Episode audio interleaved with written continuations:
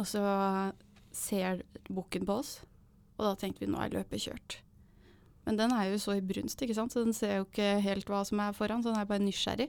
Kanskje det er, Ja. Kanskje det er en kolle som står foran der, liksom. liksom. Ja. Så han kommer mot oss, da. Ah, Og så kommer han inn på ti meter. Og da bare steller han seg med breisida til. Og vi bare sånn Er det mulig, liksom? Og så bare brøler han skikkelig. Og da bare trekker han av. Og treffer han helt perfekt. Hit it! That's what I'm talking about. Wait! Okay, now, from the beginning.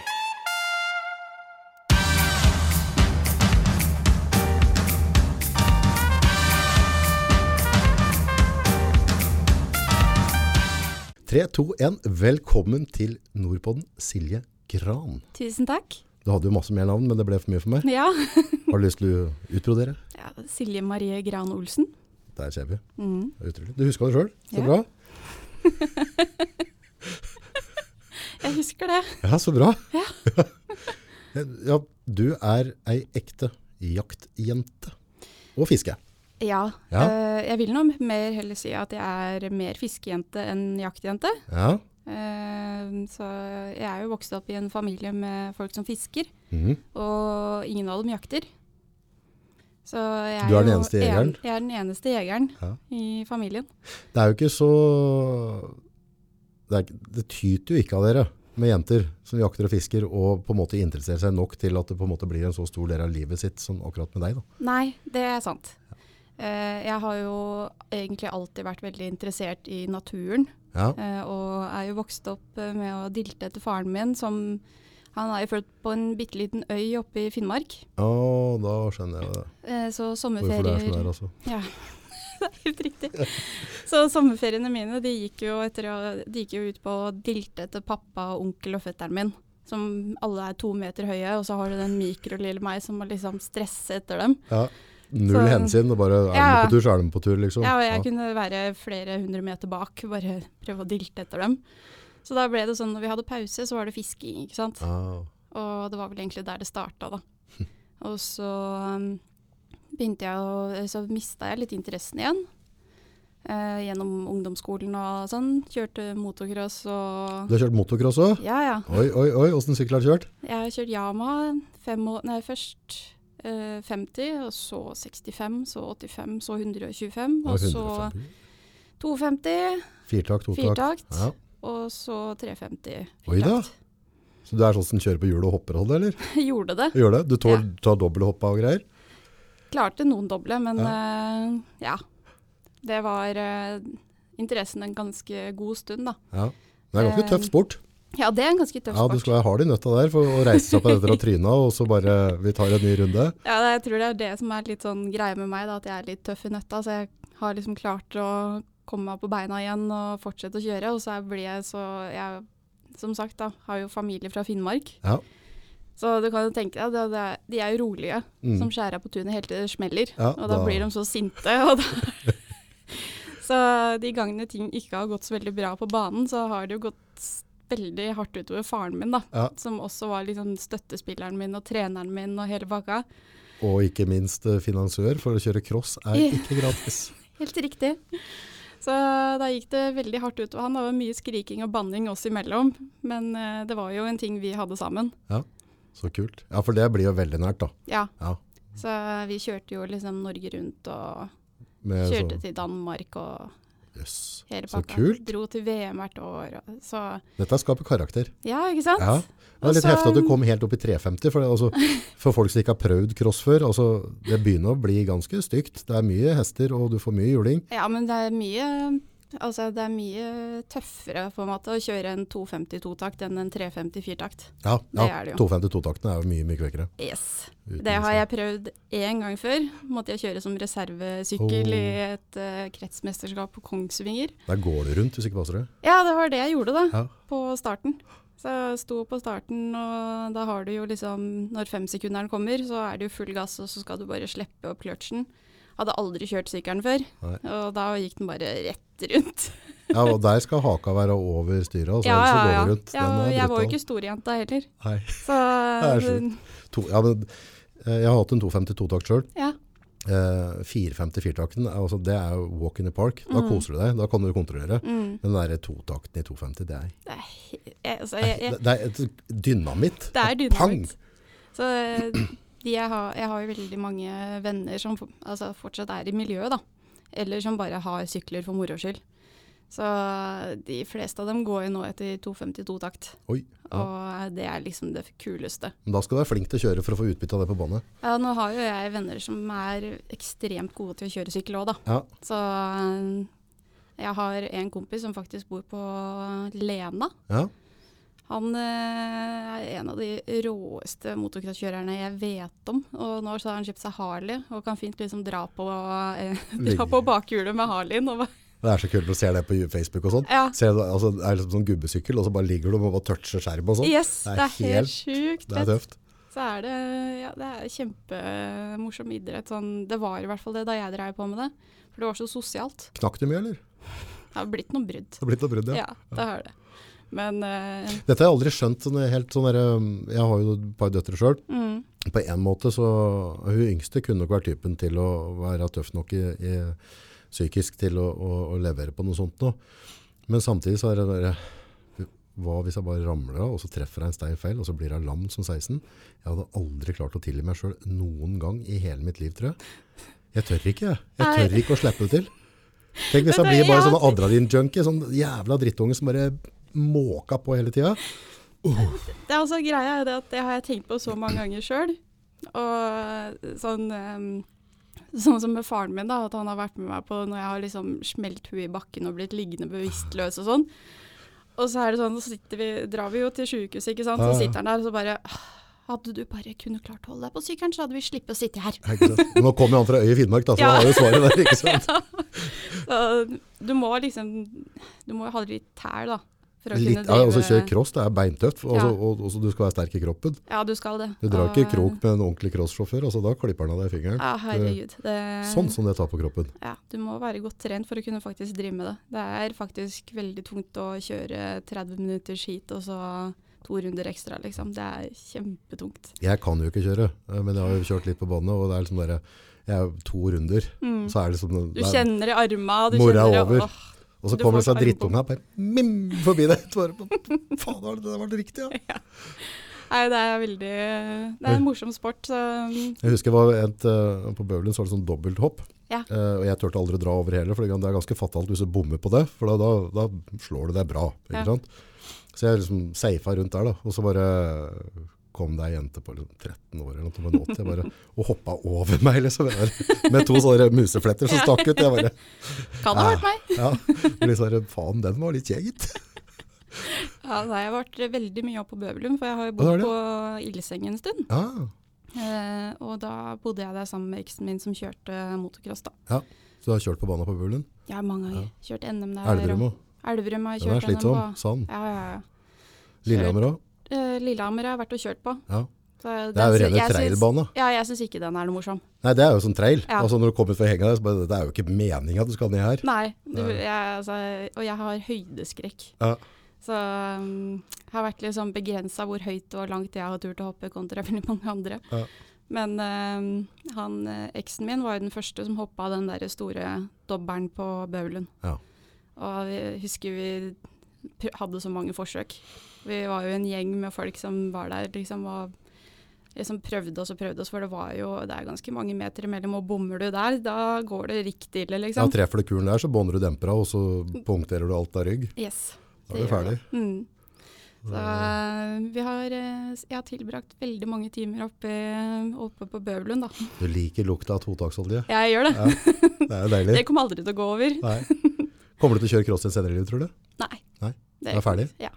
Jeg har eh, så veldig mye annet å drive med. Jeg Ja. har jo også drevet med hest. Oi.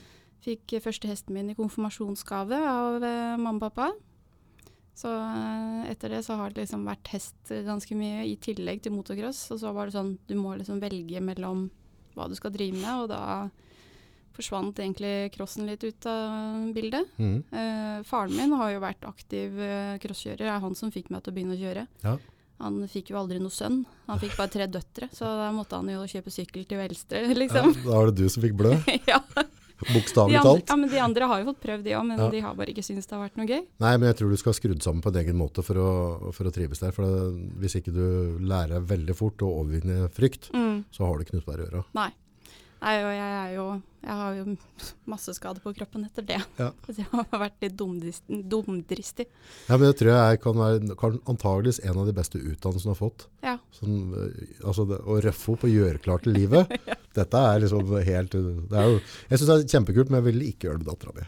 Nei. Hun skal være prinsesse. Ja, Jeg nei, vil men ikke at du skal eh, dette og slå seg. Nei, ikke sant. Er, vi er alle forskjellige der. Ja. Så har heller drevet med hest, da. Det er jo farligere, det, syns jeg. Ja, dem får du ikke skrudd av. Nei, det gjør du ikke. Nei. Og øh, de hestene jeg har hatt, sånn som hun siste jeg hadde nå, Ja, hun øh, ja, veldig fin sånn fullblodshest av gammel galopphest, ja. som ikke funka på banen fordi hun hadde så mye fluer i huet. Fluer i huet. Ja, Det altså, si. det er at du skvetter for alt, Oh, og ja. stikker fort av, og bukker deg av. Ja, ok, der hoppa du opp på. Ja, dette her skulle jeg liksom prøve å redde, da. Ja, ja, så klart. Det gikk jo ikke det. Og etter det så har det bare vært sånn Du så filmen 'Silkesvarten', og så skulle du redde en eller annen hest, og så Ja, var vi i gang. Ja? Hestehviskeren var liksom Jeg har drevet mye i en sånn runde Hva er det det heter for noe? En sånn ridebane som er rund. Ja, Der du liksom hesten løper rundt deg, og du liksom ja, skal liksom temme noe, Ja, temmen. prate til noe. Dere skal forstå hverandre.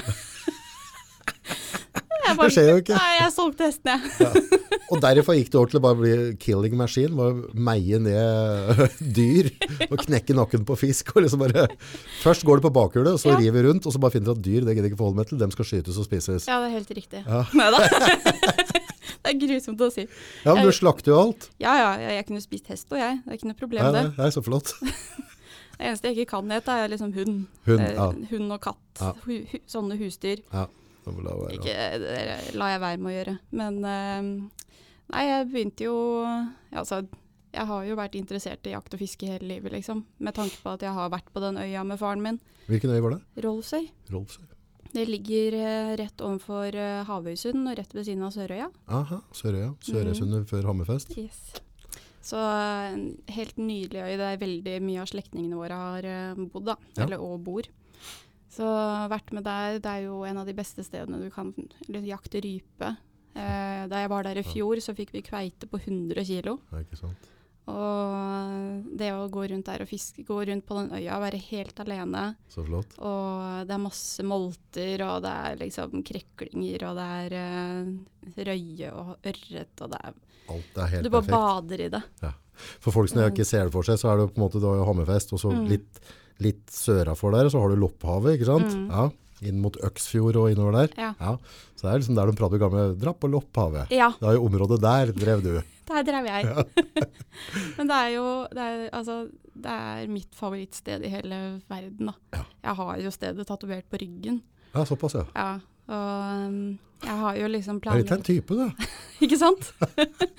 en svær rype med sånn fjellandskap og Så klart. Må jo ha det, ellers blir det aldri multer og krekling på ryggen. Ja, Alle har det, Ja, ja. ikke det? hadde aldri kommet til å bli lykkelig hvis ikke har gjort dette.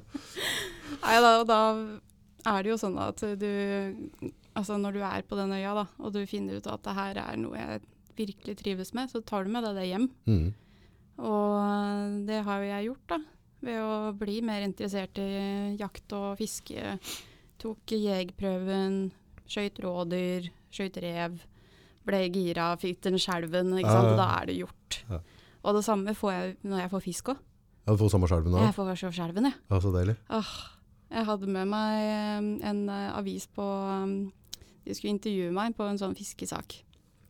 Og så fiska jeg med mark eh, og søkke, som jeg bare liksom setter sammen veldig enkelt. Ikke noe mer enn det. Ikke noe dupp eller noe? Nei, nei, nei, nei. Og så fisker du aktivt. Nei, nei, nei, da tråk, tråkker jeg gærent Ja. Dupp. Dupp er fy. Oh, Det, det er sånn! Det bruker du ikke. Nei. og så kaste ut det, og så er det liksom Ja, jeg blir veldig glad når jeg får fisk på 300 gram, ikke sant. Og så kommer det å bite på en kilo sørret, Oh. som er helt sånn gullfarga. Den var helt nydelig. Og jeg bare sånn står der sånn her og skal liksom få inn den fisken. ikke sant? Og skjelver og skjelver og skjelver. Jeg liksom vet ikke hva, nesten hva jeg skal gjøre. Og så får jeg den opp, og så bare kjenner jeg at jeg får, sånn der, får en sånn ro i kroppen. Ja. Og det, det er så deilig. Det er hver eneste gang. Yes. Så ja. da har det jo blitt at eh, man fortsetter med det. For det var jo sånn det var de første gangene jeg fiska òg. Du har blitt miljøskada? Ja, skikkelig. Mm. Og så har jeg blitt kjent med folk som driver med artsfiske. Hva for noe? Artsfiske. Ok, Er ikke fiske fisker- fiske mer? Fisker etter arter. Ah, sånn ja. Jeg trodde Det var en kunstfiske. jeg, nå. Det er en type kunstfiske. det er mye du skal kunne. Ja. Så, um, har jo vært mye og fiska etter karpe, Ja. suter, gjørs, gjedde, asp, abbor, harr Altså Alle- Tre kunne gjedde, abbor karrus. kar... Nei, Kjempekule fisker. Eh, fått dvergmalle så klart. mm, i Asker sentrum. Ja. Eh, ja, og karrusen fikk jeg i Sandefjord sentrum. Ja. På krok med eh, hvetebolle. Jaha. Så det er liksom Du skal Altså, jeg vet ikke hvordan de finner ut av hva, den fisk, altså hva de forskjellige fiskene liker, men hvem var det som fant ut liksom at eh, Sånn som eh, Jeg har vært på isfiske oppe i Glomma, da, på Rena. Ja. Der har de noe som heter sprælefisje. Det er en eh, liten larve som kommer opp i, lang, opp i, i Glomma mot uh, Rena. Mhm. Eh, kommer på våren, eh, akkurat de datoene hvert år. Og da er det bare å legge seg på isen og ligge og fiske harr. For det, og så samle Den opp sånn. eter en larva, liksom. Da eter den den larva. Yes. Og da er det Så jeg det en gammel NRK-reportasje fra 1960 et eller annet. Der hun var med på spræ- sprælfiske i Glomma. Sprælfisk. Og da fiska en kar med Nivea. Du snakker språket jeg ikke fatter her. Ja, det- men han, fisk, altså han hadde Nivea-krem på kroken. Å, så klart. Ja. Det burde jeg tenkt meg til. Ja, ikke sant? Det, er- det gir ikke noe mening. Det gir ikke noe mening i hele tatt. men det funka. Det funka. Så det prøvde vi, og vi fikk eh, både harr og sik, vi. Nå. Var på butikken og kjøpte en sånn liten blå boks. Så det er jo, altså med tanke på det, sånne altså, Sånn som at du skjønner jo ingenting av det jeg sier nå, ikke sant? Nei, nei, nei. Men uh, det gjorde ikke jeg heller da. nei. Men jeg er jo så nysgjerrig òg. Ja, så nå begynner du å få kontroll på det. Ja. Så kult. Det er jo eh, Jeg syns synd på når du får unger. ja. Jeg sier bare her, ta med barkebø på skolen, og så spiser du det. Ja, Du kommer til å terrorisere dem helt ja, vilt. ja, ja, og så blir det granskudd på vårparten, og så blir det rå sopp på høsten. Så klart. Og så blir det litt sånn rådyrkjøtt og Knuffer, Eller- dem litt, knuffer dem litt i skuldra. Og bare, Ja, ja. Oi, våkne opp. Og, Enten eller så må det være sånn, ja, så må du ha med hagla, for hvis du skal ha noe lunsj, så må du ut og skyte en due. Ja. Men du flår dyra, du mager og, eller vommer og alt. Det er ikke Ja, noe problem. Nei, nei, nei. Det er ikke noe sånn eh, at du får, liker ikke å få blod under neglene. Nei, nei, nei. Det, jeg syns det er egentlig ganske Er du glad i å lage mat? Jeg elsker å lage mat. Og Ja. det, jeg elsker å lage mat sånn med, mat, altså med alt jeg har høsta sjøl, da. Ja. Så jeg er jo ivrig på sopplukking og på bærplukking. Jeg lager likører, syltetøy, saft, soya, eh, sirup. Får du tid til alt dette der? Jeg veit ikke. Vet ikke. Gammel er du egentlig? 29. Jeg trodde du var 100 år, ja. Ja, jeg, jeg, jeg, det er på bursdagen min. Solbærsaft og jeg hadde bursdag 11. august, Ja. og da ble jeg 29. ja. Og da kom jo hun inn, eh, hun bestevenninna mi, da, Mm. som jeg bor hos akkurat nå. Hun kom inn med kake med Fyrstekake sikkert. Nei, det var gulrotkake. Gulrotkake. Ja. Ja. Ja. Gulrotkake og 29 i sånn lys på, på toppen av kaka, da. Så da bytta jeg om 92. Det var litt- Og det er jeg føler meg som når jeg prater om det greiene her. Er det sånn at du liksom, når du drikker kaffe hjemme, så har du, heller du kaffe i skåla, og så Nei. sukkerbit i munnen, og slurper litt, liksom? Sånn som Jeg oldemor syns det er dritgodt, jeg. Du gjør det òg, ja? Du Nei, slurper jeg kaffe? gjør, nei, nei, nei, Nei, men det er godt. Ja. Kan du ikke si noe imot det, liksom. Men uh, Jeg tenker det er bra du er i skogen, ja. Ja, det tror jeg òg. Men jeg er veldig glad i å lage mat. Så, og jeg syns det er veldig interessant uh, å bruke hele dyret, f.eks. Mm. Hva syns du om vegetarianere, egentlig? Nei, jeg har ikke noe imot dem. Jeg har flere venner som er vegetarianere. Ja. Så lenge de ikke liksom sier til meg at Du står eh, klar med kniven, Ja. ja. sier, er liksom, sier til meg at det her bør du ikke gjøre. Fordi jeg syns jeg gjør det på en ganske fin måte, da. For det er sjelden jeg bruker kjøtt fra noe annet dyr enn det som er sjølskutt. Mm. Eller sjølfiska. Så øh, jeg syns jo at øh, sånn sett så Jeg drar jo ikke og kjøper mat eller fisk i butikken, f.eks. Det skjer veldig sjeldent. Det som er eh, litt spesielt med det òg, er jo den måten du bruker næringskjeden på. Da. Det er jo en glemt kunst. Altså Poenget liksom bare dra ut strømkontakta til Eidsiva og, så, og, og punkter Askobila. Mm. så er det liksom sånn 90% av folk kommer til å bare sulte. Ja. Og bare, hva gjør jeg med det dyret der, liksom? Hvordan kan jeg koke den med pelsen på? Altså, folk vet jo ikke. De Nei. vet ikke hvordan de skal videreflede og, og, og slakte ned. Nei. Det er ganske tragisk. Ja, det er veldig tragisk. For det er liksom det mest essensielle med hele livet. Ja, Hvordan, hvordan klarer du å overleve? ja. Og jeg tror jeg kunne klart å overleve det ganske greit. Ja, du hadde sikkert vært helt konge. Ja, jeg hadde bare ut. storkost meg, liksom. Kjørt på. Ja, Litt ammunisjon og en kniv, så går dette helt bra.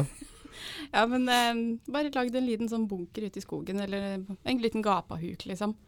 Jeg har jo sett nå, i, nå som det i koronatiden har vært. Mm, Så eh, jeg fortsetter jo å være ute like mye ute i skogen som jeg har vært hele tiden. mm, Men eh, nå kommer jo hele Norge og skal være like mye ute i skogen som meg. ja. Så eh, der jeg har bodd, da, så jeg, har jeg bodd rett ved skogen. Rett ved en lysløype, rett ved en badeplass. Og så um, går du rett, kanskje 20 meter opp i skogen, så finner du at uh, her har noen lagd seg en ny gapahuk. Ja. Hogd ned masse trær, og så har de bindt det fast med gaffateip. Er det sånn at liksom bare Du, ser for deg litt sånn um, sånn hillbillies da, fra nede i USA. Mm. Litt sånn innover. Er du, er du den typen liksom? Du kommer med skjærokser, kniven på sida, og så prøver du liksom å, å skremme de andre. Bare, «Anna, Hadde, jeg, skal, hadde jeg skal, du, turt, skal du sove her i natt, ja? Ja. Ja, ja, ja. ja. Ikke hadde jeg turt, så skulle jeg nesten ha gjort det. Skremte jeg, du opp litt? Å, jeg har vært mye irritert. ja. Jeg, jeg, altså, jeg takler ikke det der å gå på tur, og så må du passe deg for dopapiret som er på stiene. Ja. Når du egentlig er vant til å ha naturen nesten helt for deg sjøl. Ja, sitter en hel familie og drit på sida Ja. Liksom. Ja, det altså, Eksen og jeg da var på en langtur i Østmarka, ja. og da gikk vi et par timer inn i nasjonalparken, da. Eller nasjonalreservatet, da. Og da er det jo sånn at det er ikke noe hogst der eller noen ting. Naturen får liksom gjøre det den vil gjøre, og da er det et veldig vanskelig terreng å gå i. Så vi gikk jo i flere timer da, og jeg var jo helt utmatta, liksom. Og så kom vi oss til bitte lite vann der vi var helt alene.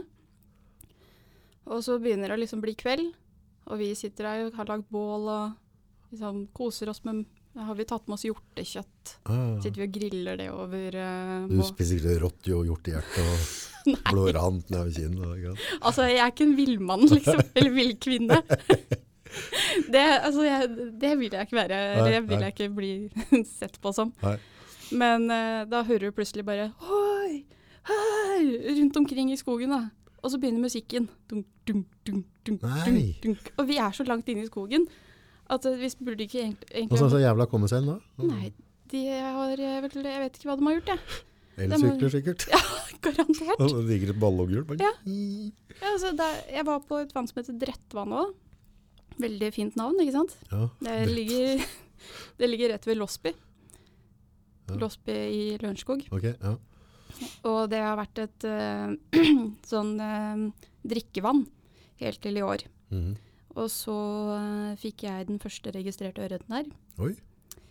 Og det ble lagt ut på diverse fiskesider på Facebook. Og så tenkte vi at ah, neste helg da skal vi dra tilbake, og da blir vi her hele helga. Da var det i hvert fall 50-60 stykker som overnatta Ja. langs vannet der. Toget har gått. Ja. Hadde, hadde du um, hatt huet til å, å Hvis du hadde på en måte slengt deg opp på ei hytte i Alaska og Mm. vært der eh, tolv måneder straight on alene? Eller hadde du vært i kokos? Jeg elsker jo å være aleine, da. Ja. Men uh, Slåss Jeg- litt med en bjørn og liksom. altså, alt det med sånn naturen og hvordan du skal klare deg, sånn tror jeg ikke hadde vært noe problem. Nei. Men jeg hadde ikke takla det vintermørket. Nei, da, ja. Det er akkurat som ja, mange folk på Svalbard. Det er sånn fra og med september ja. til og med april så går de på høye doser antidepressiva. ja, men det liksom. knekker jo psyken din. Det er mørkt. Ja. Finnmark er jo samme greia. Mm. Det Så, skjer jo ting med det. Ja, det gjør det. Og jeg trives best når det er liksom lyst nesten hele døgnet. Ja. Eh, og ja, er som veldig mange andre, blir påvirka av vintermørket. Ja. Da blir det sånn vanskelig å komme seg opp om morgenen, og Ja, det så drar du på jobb. Og det er det lyset du får når du liksom sitter på kontoret. Men hva er det liksom ultimate livet ditt der? Hvis du kunne bare få hvis jeg sagt, ok, nå velger du hvor du vil, jeg kan fly deg ut hvor du vil, du skal være ett år. Mm, da ville jeg veldig, gjerne, veldig gjerne vært i Tufjord i, på Rolfsøy. Tenk på det. Ja. Det er jo oppnåelig. Ja. Og det, jeg har hatt planer om det. Ja. Jeg har ønske om å gjøre det en gang. Mm. Så eneste som gjør at jeg ikke gjør det, er jo det at jeg må jo ha en full så jeg har jo en jobb òg. Det er ikke ganske populært å nave om den, da? Altså, Det har jo 4G, som kan sende på meldekort, ikke sant? ja, altså det jeg hadde jo altså, Hver gang de skal ha møte, jeg står i vær fast. Jeg står nå vær fast. Stå vær fast. Jeg vil blåse nå, synd av vindblåsene her. Ja, og på en måte så er det jo altså, Nå jobber jeg som fotokoordinator, eller sånn fot fotograf, da, i Ja. XXL. Ja. Så en av jobbene er jo å ta bilder. Det, dem- der er det jo bare å invitere med seg kollegaene opp der. Ja, ja, ja. Ta på dere klær i riktig få opp noen ski og noe greier. Ja, så tar dere og kommer opp hit. Så tar vi bilder her. Jo, men det, altså, hvis du skal ha noen av disse eh, de turene, så er det jo liksom nå du bør gjøre det. Mm. Nå er det 29, ikke sant? Før et år av det, så verper du ut av en hel dunge med unger. Nei, nei, nå må du huske toget. at en kvinne blir aldri eldre enn 29. Stemmer. Mm. Men ved et eller annet tidspunkt så må du på en måte få til dine unger, da. Ja, det har aldri vært noe drøm. Jeg har, eh, jeg har aldri hatt lyst på unger. Du kan ikke være ungerløse, vet du. Jo, jo, jo. Nei, er. Jeg har uh, altfor mye på planene mine til å kunne ha tida til å ha unger. Jeg har nesten ikke tida til å møte nevøen min engang. Og jeg har én. Ja. Jeg tror Greia er vel sånn der, når du først får dem, Mm. så du tenker liksom at det kommer til å bli hinder og ditt og datt, men de, de blir liksom en del av det. Så det, det blir egentlig ikke et handicap. Og, og sånn som du da, som driver flyr, du kommer til å dra med seg unga ut uansett.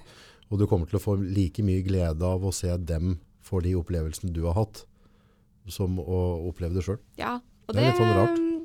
Det kan jeg se for meg. Uh, men eh, du må ha tida til det. Du må ha en rette Altså, du må ikke ha tid Altså, det, i det samfunnet vi lever i i dag, da, så er det ingen som har tid til å få unger, egentlig. Nei, men den tida Fordi- kommer automatisk. Altså, altså, Og alle får det jo til på et eller annet vis. ja, men det blir ikke noe... Men det er, det er ikke en av mine prioriteringer, Nei, nei. liksom. Det, Nei, det, det har jo for så vidt ikke Nei. vært min prioritering heller. Men jeg fikk jo første datter jeg var 30, Mm. så jeg tenkte som at dette blir, dette blir pjuk, ikke sant? Det blir Mm. vanskelig. Men, altså, det, det, det, ble bare en del av livet, og den tida, det, det, det bare funka bare. ja, Så det har aldri vært noe hinder. nei. Det er helt rart. Jeg hadde trodd det skulle være sånn skikkelig sånn vrient da. Men det, nei, men altså, jeg kunne alltid så fått det til. Det tror jeg alle som virkelig vil. Og hvis du, hvis du har lyst til å drive Sånn som faren min, da. Ja, Kjørte motocross. Dere dratt med det overalt. Ja, nei, han kjørte motocross og fant ut at jeg fikk liksom beskjed fra kjerringa om at uh, jeg orker ikke sitte hjemme med tre unger. Jeg. Hun ene her har mest sannsynlig ADHD, så hun, hun kan du ta med deg. Og derav Og derav. har vi deg.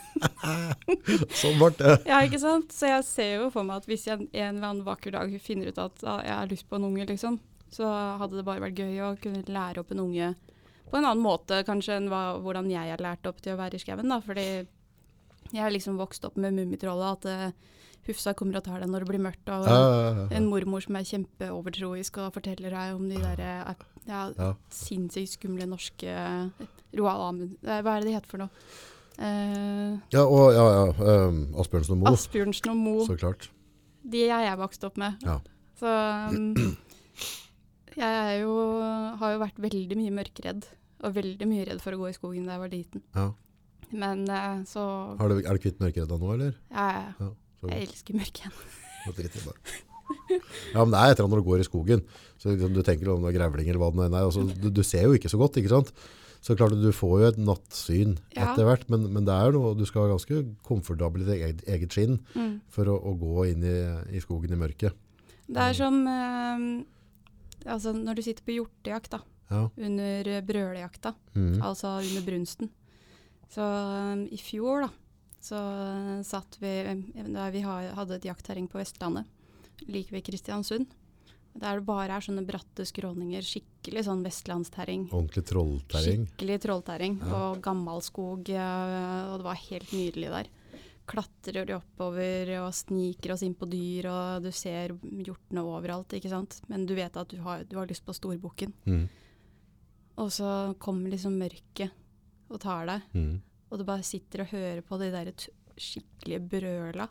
Og for de som ikke har liksom hørt dem før, så anbefaler jeg å bare gå inn og sjekke det på YouTube, eller hvor, egentlig hvor som helst, fordi det er helt fantastisk skummelt å høre på. Er det? Ja. Ja. Det er, det. det det er, så trolsk. Jeg skjønner går det inn i margen, på en Ja. måte? Ja. Det er liksom de, det er de brølelydene som du da du var 13-14 og gikk gjennom skogen aleine hjem fra en venn eller noe sånt, og forventa å høre. Mm. De skumle brølelydene. ja, dem du ikke ville høre, liksom. Ja, og de dukker opp der, men da vet du hva det er, ikke sant? Litt sånn skremmende. da. Jeg vet ikke om det er en sånn jenteting at, at det er om å skyte ned brunstige hanndyr. Liksom. Det er bare der, bare pass på kara, liksom. Det bare, kommer du med brunstbrøl på bilen, så bare ser du bare sniker bak en stolpe og bare vipper opp rifla. Ja. Ja, altså Nå er det ikke bare sånn at det bare er jentene som vil skyte dem, men det er også mannfolka også har veldig lyst til å skyte ned disse storbukkene. Ja.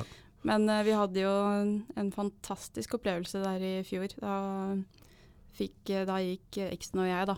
Vi er fortsatt veldig gode venner, da. Ja. Eh, så sneik vi oss opp på ettermiddagen. Kall den opp her, da. Jeg var lang ut. Ja, men vi Altså, det var Vi gikk liksom på en traktorvei, da. Ja. Og gikk oppover, oppover, oppover. Og så hører vi plutselig to brølende bukker. Og at det var sånn kniving. Du hører liksom gevir som Ja. slåss mot hverandre. Og da hadde vi liksom planlagt at i dag skal vi skyte en kalv. Mm. Og så plutselig så kommer det 50 meter unna, så kommer det en 13-tager mot oss. Og den er svær. Den er helt mørk, full av liksom brunst Altså sånn, de, blir, de ruller seg jo i gjørme, ikke sant. Ja. Så de blir veldig mørke i tillegg. Og du bare ser den er liksom sånn veldig sånn derre hissig da etter den fighten. Ja. Og da stopper vi helt opp. Da hadde han med børsa, og så sitter jeg ved siden av. Og så ser bukken på oss, og da tenkte vi nå er løpet kjørt. Men den er jo så i brunst, ikke sant? så den ser jo ikke helt hva som er foran, så den er bare nysgjerrig. Kanskje det er, Ja. Kanskje det er en kolle som står Ja, foran snipper, der, liksom. liksom. Ja. Så han kommer mot oss, da. Ah. Og så kommer han inn på ti meter. Og da bare steller han seg med breisida til. Og vi bare sånn Er det mulig, liksom? Og så bare brøler han skikkelig. Og da bare trekker han av. Og treffer han helt perfekt. Det var, Og bare stelle seg med hjerte og lunger til, liksom, og bare skyte meg. ja, det var det han gjorde. jeg gir opp. Det er som andre mennesker får en naturopplevelse og bare Drap den, drap den. Ikke sant?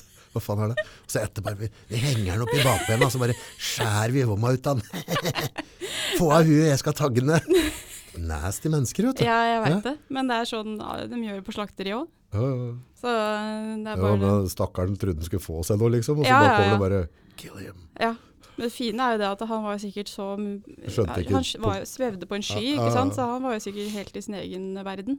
Nei, det er jo helt naturlig. Det, vi, altså, vi trenger jo ja, De fleste av oss trenger kjøtt. Ja, vi ja, gjør det. Og, Og, og jeg syns det er en utrolig flott, human måte å gjøre det på. Mm. Og, og kan gjøre det ut i, i de omgivelsene de skal være. Da, Ja. for, eh, jeg skjønner jo det òg, at vi trenger fjøs.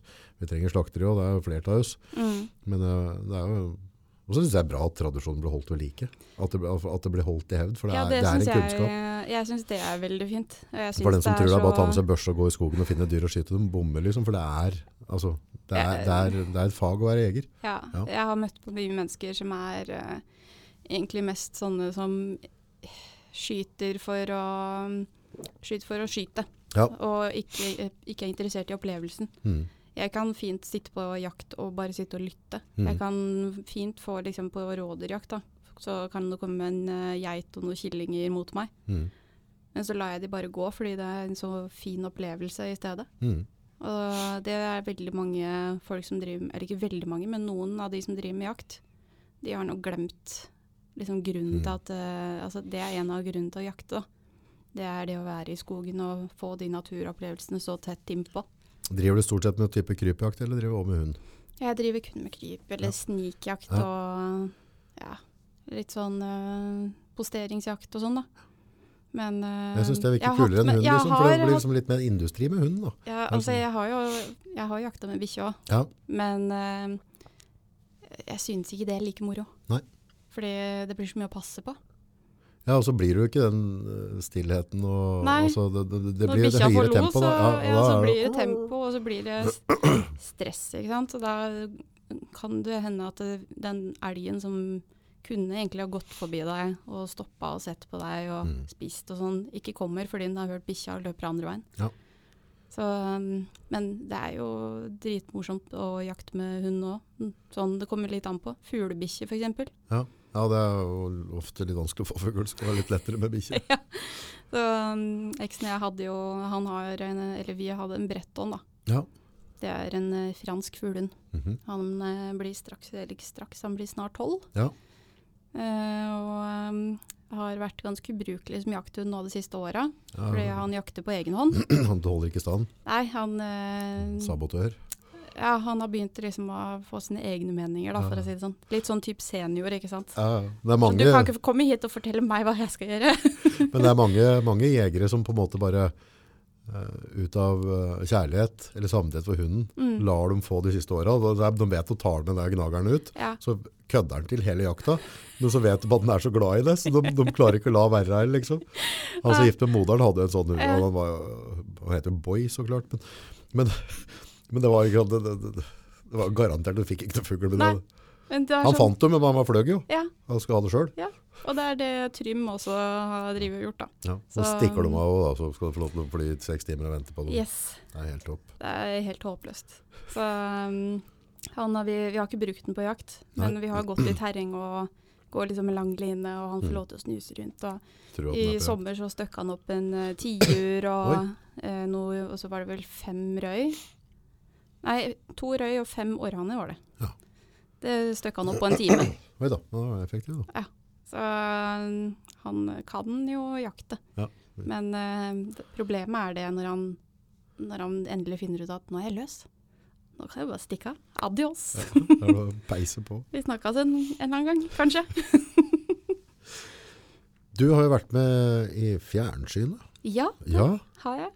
Eh, konkurranse med to stakkarer. Yes. Ja, hvordan gikk det? Det kan jeg ikke si nå. Nei. Men, Men, hvordan var den opplevelsen? Hvem var du var ute med? Jeg var på tur med Lars Monsen Ja. og Bård Duft Johansen. ja. Noe sier meg at eh, Monsen var noe hardere nødt til å knekke enn han Tufte. Det kan hende. Ja. det jeg kan si er at det var en ufattelig morsom og krevende opplevelse. Spen veldig spennende. Krevende, hva legger du det? Nei, du vet jo åssen det er å være med Du har jo sett på Monsen på TV-skjermen før, tenker jeg. Jeg har sett noe. Ja, Ja, altså, du- måtte du gå etter den og være med rundt, vi, liksom? at vi ble sluppet her på forskjellige plasser Ja. og måtte finne hverandre. Ja. Eh, gjennom eh, kart og kompass. Ja. Og så var det fiskekonkurranse imellom. Men Monsen hørte det sikkert. Eller brøt på en grunn og bare Nei, faktisk ikke. Nei. Men eh, jeg har ikke vært med på noe sånt før, ikke sant. Eh, og eh, jeg vet at eh, Bård Duft Johansen er en veldig god fisker. Ja. Sjukt god på fluefiske. Eh, mens Lars, han tror jeg er litt mer som meg. Som bare kaster og kaster og kaster og kaster og kaster. Og kaster. Og så tror jeg at veldig mye av de ja, sånn som de seriene man ser han, da han går på tvers av Canada og liksom går Jeg er oppe i Femunden og sånn. Når han får disse store ryggene, da. Så er det jo han som har filma det her sjøl. Ja. Det er ingen som veit hvor mange timer han har filma før han fikk den fisken, ikke sant. Så eh, jeg tror at vi er litt mer like der, og så er Bård en sånn der feinschmecker på flue og kan alle oh. fluenavnene på latinsk, liksom. Og sånn, ja. Så han er jo ordentlig tekniker. Ordentlig fluer, fluefisker. Det er ikke mer sånn brøtt spett. Ja. Bare- Jeg elsker jo å fiske med flue, jeg òg, da. ja. Og hadde med meg fluestanga. Så jeg fikk jo bare beskjed om at eh, ja, nå må du bare pakke sånn at du er forberedt på en tredagers tur. Eh, ha med deg nok mat og klær og sånn. Så ses vi. Ja. Og så kom du hjem til meg og henta meg. Yes. Så var det bind for øya og opp i skauen et eller annet sted. Og ble sluppet av, og så bare ja. Så er det sånn som alle Monsen-episodene da han er på villspor, da. At han tar av seg det der eh, bindet for øya aner ikke hvor han er. Jeg satt jo med akkurat samme følelsen. Ja, Åssen følelse var det? Det blir litt annerledes når Ja, du ikke vet Nei, jeg ble jo liksom bare satt ut på en myr, da. Ja. Og det er sånn, får du, så har en sånn lapp rundt halsen der det står hva Får du en oppgave, og så får du kompass der du skal eh, peile ut eh, kursen ut av et kart du får, hvor du skal hen og sånn. Så heldigvis i, på forka, i forkant så hadde jeg tatt eh, et sånn hurtigkurs i kart og kompass. Smart. For jeg kunne det før. Ja, det Men du, ja, du driver jo ikke med det lenger etter at eh, GPS-en har kommet. Nei, nei, nei. Så um, Nei, så var det å være der eh, noen timer først, da. Ved den myra og finne ut liksom hvor er jeg hen. Og um, ja, ja, etter noen timer så la jeg meg ned og sov og overnatta der. Sto opp grisetidlig dagen etter, fiska mer. Og ja, til slutt så fant vi jo fram til hverandre. Ja. Og um, fikk nye oppgaver. Det er jo mange forskjellige typer konkurranser vi hadde. Okay. Um, jeg vet ikke om jeg får lov til å nevne noen av dem, uh, men det, det er jo generelt fiskekonkurranser, da. Ja. Men i forskjellige typer former. Ja. Så um, veldig spennende og veldig morsomt. Og så var det De har jo sagt at Eller de har ikke sagt, det står skrevet i VG og på NRK at dette er kjendisversjonen eh, av Monsen på villspor. ja. Og Der er du da, vet du. ja, jeg skjønner jo ingenting av det der, ikke sant? Fordi det er liksom Det er Jon Almås, Herman Flesvig, eh, Staysman, eh, og så er det Bård Duste og um, Vita Wanda og Silje Gran. Kult. Så jeg har sett så mange kommentarer på sånn NRK sine innlegg og Instagram og sånn bare sånn å, det er så drittlei av å se kjendiser på tur igjen. De bare resirkulerer disse kjendisene hele tiden. Og så kommer det et sånt Men hvem er hun? Hvem er hun? Hvem er hun Silje Skal du, er på sånn rød løpegreier framover? Du og bare henger litt ut i Oslo med fiffen og høy på deg sjøl og greier? Helst ikke. Ja, du og Northug liksom er ute og party og kjører på litt skikkelig. Cocaine og brennevin. Ja, altså jeg har jo planer om å reise opp til Trysil eh, i nærmeste framtid. Så han har jo god erfaring med den uh, strekninga der. Ja, ja. Det var å skynde seg på det. Men Hvordan var det å, å ferdes med så to gubba der? Ja, det var så gøy. Var det gøy? Ja, herregud. Er det de vet du? Altså, jeg føler jo at jeg er nærmere alderen dems mentalt enn uh, min egen. Ja. Eller kanskje demsen er mer Ja, mentalt alderen din. Det kan det være. Det, jeg tror faktisk det heller stemmer Ja, ja, bedre. Det går litt tregt utviklinga på skuta, skjønner du. Ja. Ja. Altså, ja, nå er jo Monsen 57. Jeg klarte jo til å si som feil, da. Mm. Under uh, innspillinga så sa jeg at han var 67. Jeg håper at de ikke tar med det. så eh, Nei, det var utrolig morsomt. Og fikk eh, lært meg litt sånn tips og triks om bållaging og sånn. Ja. Og fyrte jo opp bål og skravla og jugde foran bålet og spiste fisken vi hadde fått og Så, så dere bodde litt sammen i samme leir perioder? Ja, Ja. det gjorde vi. Vi hadde en natt sammen Kult. i forskjellige telt. Det hadde mersmak. Ja, Var det gøy? Ja, det var, det var utrolig morsomt. Når er det det kommer på TV? Eh, om tre uker. Gleder deg? Veldig. Blir det stas? Ja, ja, det blir Da, er du, også, da vet vi at det er, det er kjendisgreier. ikke sant? Du er jo kjendis. Da. Det er offisielt. Ja, Ferdig snakka. altså, jeg syns det er så morsomt. Det er ingen som aner hvem jeg er. Men uh, NRK de plukka meg opp fordi jeg er jo med i OFA. Ofa. Oslomarka fiskeadministrasjon. Så klart det sto for det. Ja, ikke sant? Ja. Og er prosjektleder der for uh, noe som vi har kalt for Fiskejenter i marka. Ja. Der vi er eh, Ja, vi er ti jenter, da. Der som jeg liksom, vi, Altså, vi er en gjeng med jenter som har lyst til å lære andre jenter å fiske. Kult. Og lyst til å lære dem hvordan man reiser ut på tur, hva du skal ha med. Hvordan, du, altså, hvordan henger du opp hengekøya, hvordan setter du opp teltet. Åssen fyrer du med, pri, eller med en gassbrenner. Åssen fyrer du bål. Hm. Hva gjør du med fisken, åssen støyer du den. Og åssen tilbereder, tilbereder du den. Ja, kult. Så vi, det har jo Jeg tror det er litt pga. korona også. Mm. Så har det blitt kjempepopulært. Så stilig. Så vi har jo Det er jo jaggu på tide òg. Ja. For det, altså, vi, på en måte, uansett, altså, det blir jo på en måte kjønnsroller. Mm. Det, den tror jeg vi altså, Den er jo ikke sånn det var før, Mm. men det vil jo være litt fortsatt. Og at du på en måte jobber litt med det, at, at det er et tilbud for dem som ikke passer inn i den boksen. da, Mm. med, med bare rosa blogging og, og sminke. ja, ikke sant? Ikke sant? Nei, så um, eh, det smalt jo skikkelig, da. Uh, vi har jo ja, over 500 medlemmer nå. 500 Og- medlemmer. Ja, altså på Facebook, Ja. som er bare jenter. Ja, Uh, holdt kurs for uh, utrolig mange. Eh, holder kurs i Oslo-området. For det er jo OFA-land, som de kaller det. Har hatt mye spennende mennesker på kurs også, Ja. som også har lært meg litt. Kult. Og så har jeg jo jeg, jeg har jo egentlig alltid vært litt sånn at jeg har følt at det har vært litt ubehagelig å liksom holde presentasjoner og sånn på de tidligere jobbene jeg har hatt. Mm. Men her har jeg liksom så god kontroll på fiskinga, da. Så jeg, er, jeg finner så mye glede i å kurse andre i det. Det er, liksom, det er like gøy hver gang å liksom tre på en krok imens det står 20 damer rundt og bare Der ser du marken her nå. Den Kravler. Vi holdt jo isfiskekurs på Bogstadvannet, og da skal du fiske med maggot. Ja, Og var sånn, kan, kan du tre på? Kan du være så-. Jeg kan Dette var litt Jeg har ikke lyst til å ta på en biteren. Jeg, jeg skjønner dem jo, det er jo et utrolig ekkelt lite dyr. ja. Men, uh, Ja, men poenget er at, at i, i oppdragelsen, mm, altså i oppveksten, så har de ikke på en måte vært i, utsatt for det. Altså, Nei. jeg ser det på jentene mine, jo mer naturlig altså, ikke bryr meg om sånne ting, Mm. så tenker de ikke noe over det, de heller. Men hadde jeg skal ik, altså, det er jo en grunn til at vi er redd liksom, veps. Ja. Det er for at en eller annen i familien har hyla og slått vilt rundt seg i ganske tidlig alder når vi var små, ja. og så går dette videre. Da. Mm.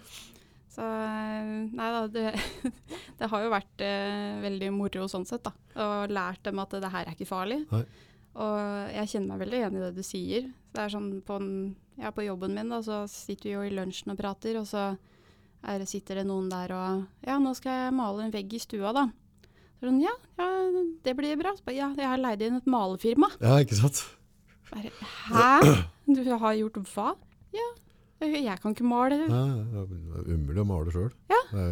Men det er litt den samme som det, altså, det er Sikkert ting de også gjør som jeg Det er gå, ja, ja, det er bare å gå på YouTube og så finne ut hvordan male en stuevegg, liksom. Ja, og det samme kan du gjøre med mark òg. Ja. ja, men det er noe med at det blir eh, at du på en måte Det er jo bra sånn som faren din, da, Ja. som fant ut at du var eh, Litt vel, litt vel aktiv, og så bare heiv de deg uti det, så, så blir det naturlig. Ja. Jeg har jo tatt med jentene mine på slakting og sånne ting, bare for at de skal bare de bare synes det er normalt. Altså et om det, så får de vite hvor du kommer fra, tenker jeg. ja. Det er jo kjempeinteressant å være med på slakting. Ja, og så hadde jeg syntes det hadde vært litt kjett, liksom, hvis de bare tror pølsa kommer fra butikken. Eller Ja. noe. Altså, de må bare skjønne i hvert fall prinsippet Ja. i ernæringskjeden vår. Ja, og så er det litt den derre Når du ser de forskjellige delene som du stykker opp av dyret, da. Ja. Jeg har jo funnet ut at indrefilet mm. er den biten av, av dyret som jeg liker minst. Det er jo bare en sånn fettslapp. Ja, og det er muskler som ikke er brukt, det er jo ikke struktur i. Ja, nei, det er sånn det er, Altså, det er ikke noe fett på det. Nei. Det er bare det er helt mørt. Det er ikke noe, sånn, det er ikke noe særlig smak på det heller, egentlig. Nei, også når du ser det inn i dyret, så, så er det litt sånn derre eh, Er det er, det? er, er det en sånn blodutredelse, Ja. dette her, egentlig? Er det som blodrenna på fisken, liksom? ja, ja liksom? så skulle vi skrapt bort Ja. den, egentlig. Så ytrefilet er mye kulere. Ja, eller min favoritt, som er flatbiffen. Flatbiff, ja. Ja. Ja. Det er absolutt uh, favoritt. Det fungerer som biff, det fungerer til gryte, det fungerer til taco, det fungerer til alt. Må steke den litt lenger eller koke den. Nei, tror du ikke? nei, nei. Nei. Jeg har um, på steiking av biff, Ja, på hjort og vanlig ja, ku, ja, så er det ett minutt på hver side, ja. på ni eller høyest varme, ja. i ti minutter. Ja. Og, Og du flipper den sånn, ja. Ja.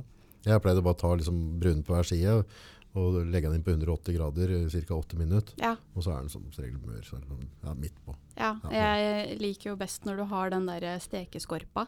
Ja, men det er så vanskelig å få til. Ja, men nå ofte- fikk du jo nettopp Ja. løsninga, da. Ja, ti minutter, bare flippe ett og ett minutt. Ja.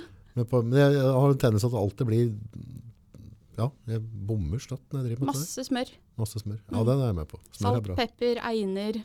Gjerne einer som du har plukka sjøl. Ja. Einekvister. Og einekvister, og så legger du Lar du den hvile etterpå, eller før du spiser den? Ja. Og Fem-ti minutter? Ja, to-tre. Trenger To-tre? ikke noe mer enn det. Og ikke noe blod renner ut. Ingenting. Nei, helt perfekt. Er det noe jeg kan, så er det å steike viltkjøtt. Så, jeg er for så vidt uh, mørbrabiff og syns jeg er fint. Ja. det er mye, da har du marmoreringa inni og godt med fett. Ja. Liksom. Men den har jo en sånn, denne, da skal kokken vite litt hva han driver med, for den kan bli litt Den, ja, den kan fort bli litt trå. Ja. Og jeg har hatt mange av dem. Ja. Så flaks at vi liksom har hatt fire dyr i, i fryseren. Ja. så har det litt å teste ut. Så men du kan, bruke, altså, du kan jo bruke det til alt. Sånn som hjort er helt nydelig til taco. Da. Ok, det har jeg ikke prøvd. Så, Ja, jeg tror kanskje ikke jeg har spist hjortekjøtt til. det Er det det? er så mildt. Ja, det er ikke mye Eh, viltsmak i det? Nei, det er ikke Nei. det. Men det er uh, fortsatt en sånn mild, vil, veldig mild uh, viltsmak, liksom rådyr. Ja. ja, for rådyr er jo ikke så Det er ikke, så, det er ikke som elg. Nei, men klart noen, noen lager virkelig viltsaus til elg nå, da. Ja. Som virkelig bare gjør at det dominerer, at det blir for meget i boka mi. Men det Mm. går jo an å tone den sausen litt ned, da. Ja, ja. Eh, Jeg er faktisk ikke så veldig glad i saus. Nei. Det kan jeg ikke lage. Nei. Eller jeg har, har laget det et par Ja, ganger, ja. men eh, jeg liker best å utnytte litt sånn fettet som kommer ut fra eh, kommer ut ifra dyret, da. Ja. Og så lager jeg heller en ordentlig digg soppstuing liksom, med liksom, fett i tillegg til bacon og eh, selvplukka sopp og Der vant du. Bacon. Da er det, er faktisk, det er, det er jo orden. Da trenger vi ikke noe annet. Da. er det jo vår. Kunne så godt bare sagt ja, da er vi ferdig. Det er ferdig. Men bacon passer til alt. Ja, det gjør det. Ja. Eh, Det er helt nydelig. Bacon til torsk og sånn. Lettsalta torsk med bacon. Bacon Gidder, til liksom. kveite. Ja. Det er nydelig. Ja. Herregud, så nydelig det er. Min favoritt er jo lettsalta torsk, tror jeg, og så flesk. Ja. Ja. ja, men det også, da skal du smake på saltfiskball. Ja, Eh, Når du har helt fersk torsk, ja. og så kverner du det med løk og potet og gulrot og masse salt og pepper. Ok. Og så bare blander du det til sånne baller. Ja, du trenger ikke ha noe hyse i for å få den til å klebe. Nei, nei, nei, Nei. ikke når det er fersk. Nei. Den må ikke fryses, for Nei. da Da får den ikke til å henge. Og så er det bare å hive det oppi en bolle med vann, koke det til det synker, og så er det bare Kjøre på. Åh, det er så nydelig. Jeg jobba jo som fisker oppe i Finnmark. Eh, Du har gjort det, ja? Ja, jeg begynte som 16-åring. Mm. Ja. Så jeg spiste mye torsk, og da var det, ausa vi bare fra havet. Ja. Vi bare havvann. Vippet oppi, og så bare skar vi opp torsken, og så slang oppi, og så var det potet og smør. Ja. Men han spiste jo mye mølje, da. Å, mølje er så godt. Ja, den gidder ikke jeg, altså. Den orker jeg ikke. Men buknafisk, den syns jeg er greit. Det er godt. Ja. Ja. Altså, jeg synes nesten Det blir jo som tørrfisk, bare at det på en måte Ja. ja. Og jeg er sånn, jeg elsker tørrfisk.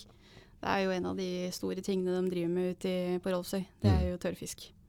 Det, så det er jo sånn snacks. Har du smakt nise før? Nei, det har jeg så- faktisk ikke gjort. Jeg har fått i garna. Og så altså sånn, altså for innimellom så går den i garna. Ja. Eh, og da er, jo liksom, da er den jo død allikevel. ja. Ja, så bare splitter du den oppå, og så har du på en måte de ryggbiffa oppå Ja. der.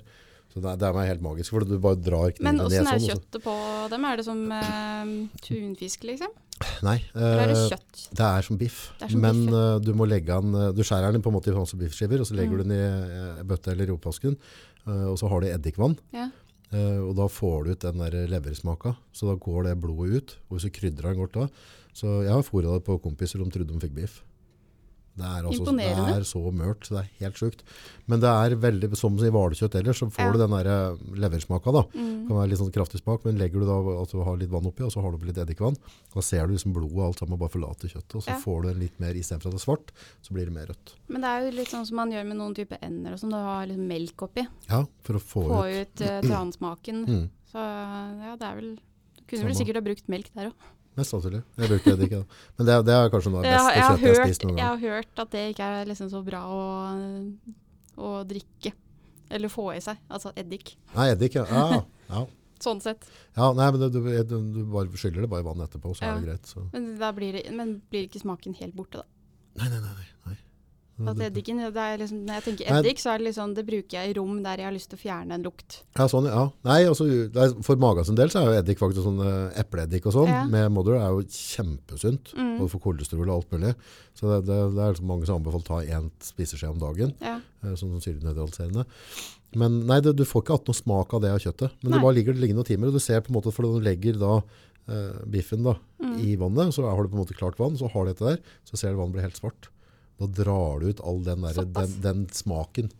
Så da tømmer du ut det, og så gjør du en tur til, og så blir det helt svart vann igjen. Så til slutt så får du litt med den rødhet i biffen. Det er helt konge. Det hørtes eh, ut som et veldig godt tips, da. Ja, det går veldig fort da. Ja. du, du trenger ikke ligge hele Kan man heller kan prøve å gjøre det med ender og Ja, det går an å sjekke. Men Ja. du ser det du ser sånn der, med en gang, så bare whoop, går det ut. Så da blir den der eh, lever eller uh, transmaken borte. Veldig spennende. Ja. Det må jeg teste ut. Ja, hvis du får tak på en nise da. Den Jeg tror jeg, ikke- er freda, tror jeg. Ja, jeg vet ikke. Jeg har liksom aldri jakta nise. Aldri vært, jeg har aldri tenkt på tanken engang. Nei, Det er nei. litt sånn som nei de, de går i torskegarna. Ja. Så da, da er de på en måte, de, de må jo opp og puste en gang blant disse. Ja. Så hvis de ligger der, så er de ferdig. Uff, det er grusomt å tenke på. Ja, det blir jo sånn, de ser jo litt ut som, som flippere, holdt jeg på å si. Ja. Ja, de er ganske søte da. Ja, de er det. Og det er mye av dem oppi ved Rålsøy der. Er det, ja? Ja, Ja. ja. masse. Det er bra tempo i dem også. Ja. De må kjøre skikkelig. ja, det er ordentlig kule dyr. Det er det. Ja. Så jeg veit ikke, det, må, det er jo ikke fisk. Det er jo Det blir vel et pattedyr. Hvordan var dette der? Da? Er de i, er de i Jeg ser for meg at det ikke er fisk, i hvert fall. Nei, det er vel et det For er vel, jeg, kan ikke kjenne noen av de artsfiskerne jeg vet om som prøver å få nise på kroken. For de får jo alt annet Ja, av fisk. Men de er, er de i slekt med Nei, jeg vet ikke. De, de er jo skyldfolk med en av disse pattedyra. Ja, det er, det er nok noe Det er nok ikke fisk. Ikke noe jeg kommer til å prøve å jakte på, i hvert fall. Nei. Så det må i så fall bli et uhell. Ja da. Ja, nei, vi, vi, vi gjorde det ikke aktivt, liksom. Det var fikk det. Men da tenker jeg det er like greit å, å benytte seg av det. da. Ja. det. Nei, ja, vi fiska jo ikke etter nise på den Monsen-episoden heller. Da, Nei. Det var dårlig med det. ah, da gikk det kun etter ørret. Ørret. Ja. Ja. Det er jo det folk vil ha, da. Ja, ørret, ja. Alle skal jo fiske, eller alle skal ha Ørreten. Det er jo jeg er medlem på sånne fiskesider på Facebook. Og det finnes liksom egne ørretfiskere. Ørret. Røye var jo veldig populært før, da. Røye er også kjempepopulært. Ja. Det er liksom de to artene da, Ja. som er kjempeinteressante, eller som alle elsker. Og Ja, for røye får du mye på de fiskevannene oppe i Finnmark også. Kan du Ja. få en del røye, og de kan være på vinteren være ganske fete. ja, du har jo mange vann i Oslo-området der du kan få røye. Ja. Så, og jo i Romeriksåsen og har vel fiska noe røye oppi her òg. Husker ikke helt hvor. Nei. Men uh, de to artene de liksom dominerer Norge, da. Mm. Alle skal ha det, og så skal de ha laks. ikke sant? ja, ja. Så um, all annen fisk, det er bare sånn ufisk, som bestefaren min pleide å si. Ufisk. Ja. Ufisk. Ufisk. Og det syns jeg er veldig sånn Jeg liker ikke ørret. Jeg syns ikke det er godt. Nei. Jeg liker ikke røye heller så godt, så, og er heller ikke noe særlig glad i laks. Men Nei. hvit fisk det Da er vi enige. Altså, jeg synes laksen, laksen blir ofte ikke bløgga. Nei. Eh, og ikke blir den sløya rensa med en gang. Og, og da, da blir det feil i huet mitt. For Mm. når vi fisker torsk og sånne ting, så det skal bløgges, og skal Yes. bløse ut i et kar, Ja. og skal du sløye og rense fisken. Yes. Og så skal det legges på is, ikke sant? Men det, laksen ligger jo bare der. Ja. Så jeg synes den der, og så har du liksom, du kan få sånn gult fett på det noen ganger. Hvis, ah. Men jeg var jo, fikk jo faktisk, det, det er vel kanskje åpent ennå, men oppi de fjorda der så har du jo sånne lakseplasser som har gått da i arv. mm. Så jeg fikk jo være med på lovlig eh, laksefiske med garn, Oh, ja. med langgarn, for det, de hadde, vi hadde laksekvoter. Så jeg lurer på om jeg fiska en våren der et par tonn jeg, med laks. Så da satte vi ut et langgarn bare, altså Ja. et, et garn grovmaska, veldig synlig garn fra Mm. land og ut, ja. og så i en liten sånn der eh, ankerformasjon. Mm. Så da svømte de langs med land, og så ser de det, og så gikk de ut og satt i maska. Men da, de lå jo vanligvis i gammer og sånn, så da måtte Mm. vi ut og røkte garnbruket ganske ofte da. Gjerne to-tre ganger i døgnet, for at det ikke skal bli for mye tang og tare Ja. og fiske i, sånn at det fiska godt da. Så jeg fikk lov til å være med på det. Shit. Det var litt kult. Ja, det hadde vært ganske spennende å være med på. Ja, Det er nesten litt sånn som når man driver med stamfiske, eller skal ta opp fisk og ja, ta ut rogn og melke og sånn da. ja, ja. Du må jo få opp de store eksemplarene. Få de store og fine. Ja. Så, nei, så det var lovlig da. Og de, du hadde merket stener liksom, så var det Mm. lakseplasser da. Nei, jeg syns det er eh, sånn som laksefiske. Eh, eneste liksom, stedet jeg ser for meg at jeg kommer til å fiske laks fremover, er i Akerselva. Akerselva, Da er det ikke laks der. Jo da, jeg har fått laks der allerede, jeg. Har det? Ja, ja, ja. Du og disse dealerne står der, eller er det så bare, Halla? Ja, det er litt Nei da, det er ikke sånn. Det er um, veldig urbant fiske. Eh, du har jo da Det er jo midt i sentrum. Altså du står nede sammen med knarkere liksom? ja, og fisker? Ja, de går rundt der som alle andre Ja, ja, mennesker, de. Ja, så du er i det, i det miljøet der, og der står du Der og fisker med fluestanga di? Ja, jeg fisker bare med markstang der, for det er jo så sinnssykt mye utesteder og sånn, så jeg klarer jo ikke å fiske med flue der, for du må jo ha baks baksleng på et eller annet vis. Så de som fisker med flue i Akerselva, kudos til de, for at de ikke treffer noen. Ja, Det kan jo hende de gjør det, men det ja, ja. tror jeg ville blitt en sånn skikkelig sak for Nettavisen eller noe sånt. det voldsomt. Ehm, Men jeg fisker med mark, da. Og har fått uh, laks i Akerselva i år. Og fikk laks i Akerselva i fjor. Men fiskekort da kjøper du liksom på Ja, den lokale puben, eller? Nei, det er det OFA som styrer. Ja. Så det kjøper jeg eh, hvert år. Yes. Kjøper sesongkort. Koster meg 500 kroner. Er det mye forurensning, i elva, vel? Er grei? Nei, det er kjempefint vann der er nå. fin matfisk. Kommer jo fra Maridalsvannet. Ja. Og går ned i Akerselva. Og fisken er jo atlanterhavslaks som de har Altså, de har jo gjort sporinger på dem. Ja. Så de fulgte med no, Jeg husker ikke hvor mange det var, om det var 18, 12 eller 18 laks som de fulgte, satt på radiosendere for å se hvor de gikk etter at de gikk ut av elva. Og gitt og sånn. Ja. Og da forsvant de opp mot eh, Canada, rundt Grønland, og mot Svalbard og ned igjen og opp eh, i Akerselva. de er ikke late. Nei, de er ikke late. det er de ikke. Det er ganske bra Men da skjønner du at de, de, altså de holder seg ikke i Oslofjorden, liksom. Nei. Det er ikke som veldig mye annen fisk. Du, altså, du ser jo for deg at fisker du laks i Akerselva, du har ikke lyst til å spise den. Nei, nei, for det, Fordi det det er er sånn, Ja, ja, Folk kaster spark, Ja. Nei, spa, sparker seg, de kaster jo um, sykler og alt mulig søppel. alt mulig søppel oppi der. Men det er jo fisk som kommer fra havet. Så er Ganske frakt av den fisken. Den skreitorsken har jo en sånn vandrehistorie som er helt bare kokos, liksom. Ja, Så kommer den inn på Finnmarkskysten, og så kommer lodda, og så går den og eter seg. Ja. Mett. ja, det er så, helt den går, jo- går den ikke hele verden rundt omtrent? Da? Jo. Det er helt sånn tullete. Det er litt, litt sånn samme greie som med laksen. Ja. Så det er jo Det som er litt magisk med dere skreifiske også, er jo grunnen til at skreitorsken går i garna, er at den spiser seg forderva på lodda. Og så han, han et seg, så, så magen den står i Ja, bur, ja, ja. og så bare kommer de i svære stimer, så du ser det ekkoloddet. Så ofte så har du på en måte ned en sånn bakke i, så setter vi på en måte lenka ut der da. Og da bare ræken inni. Så når du drar opp de garna, Oi. så må du stå, stå og kleppe dem og få dem ombord, for de detter jo ut av De har jo ikke satt seg fast i garnet engang. De bare er liksom De, bare, med. de er dritings, liksom. De eter seg helt stappmette. Det er som eh, elg på eh, gamle epler. Ja, blir den sløg? Ja, da, den blir eh, drita fulle. Gjør du det? Ja, ja, ja. Når du spiser sånne overmodna Ja, ja. epler, ja. Hadde en sånn i hagen min da jeg bodde i Dritings elg, liksom. Ja, dritings elg med kalv hadde jeg i hagen på ildseng. Jøss. Så hadde vi epletrær der, og så hadde vi ikke plukka noen ting. Og så eh, skulle jeg på jobb en morgen. Da eh, jeg kom ut, så sto elgen og liksom vingla på gårdsplassen. Men hun var jo så møkksint for, for hun hadde jo kalv. Ja, Og vi hadde inngjerda hage. full og sint. Så da måtte jeg be naboen om å komme og lokke opp eh, porten. For å slippe For å slippe dem ut, ja. Jøss. Tenk på det. Så de kan spise seg ordentlig fulle på epler og sånn. Mye rådyr som gjør det. Jeg hadde jo på, Jeg drev og fôra opp eh, rådyr der jeg bodde før. Eller etter, der jeg bodde etter at jeg bodde på Hilseng. Ja, ja, ja. Eh, på Mogreina. Rett ved Sessvollmoen. ja. Eh, der hadde jeg jo um, hadde utsikt ut mot eh, noe som heter Hersjøen. Ganske stort vann. Okay. Eh, og på vinteren så var det sånn som vinteren før 2018, så var det veldig dårlig, veldig, dårlig eller veldig mye snø, da. Så da fant jeg ut at nå begynner jeg å fòre dem. Og da kunne jeg fort ha opptil 25 rådyr i hagen. Oi. Som bare sto og koste seg og spiste. Og, ja, ja, ja. Og um, de kom jo også på høsten og spiste disse eplene og drev og surra rundt i hagen. og gikk liksom med beina på kryss og tvers. Det blir som Emil som fôra grisa på sånn der eh, Yes. plom... Nei, hva for noe? Kirsebær? Eh, Likør. Ja, eller han Ja. gamle kirsebær eller Ja. noe sånt. Ja, ja. Så um, Høna, alt. Alle var dritings. alle var dritings, og rådyra blei det i hagen vår òg.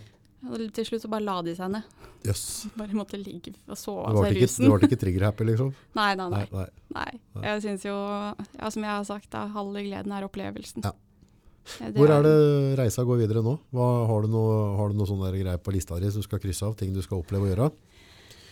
Oh, den er eh, litt vrien, for jeg er åpen for det meste. Men eh, det neste jeg skal eh, i hvert fall prøve å få til, er å få stor, storørret i uh, Isteren. Hvor hen? Galtsjøen. Galtstrømmen oppe ved Femunden. Ok, Elg og ja. Og. Drevsjø. Ja, ja. Oppi der. Eh, og så har jeg lyst til å bli mye mer kjent i Femunden.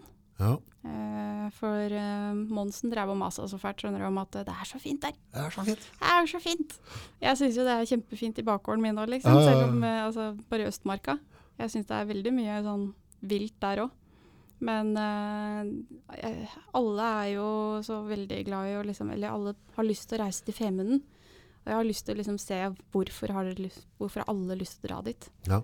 Men er det sånn at du ligger i telt i ukevis, er ute til å begynne å Ja. vondt av det og sånn, liksom? Er du, er du den typen?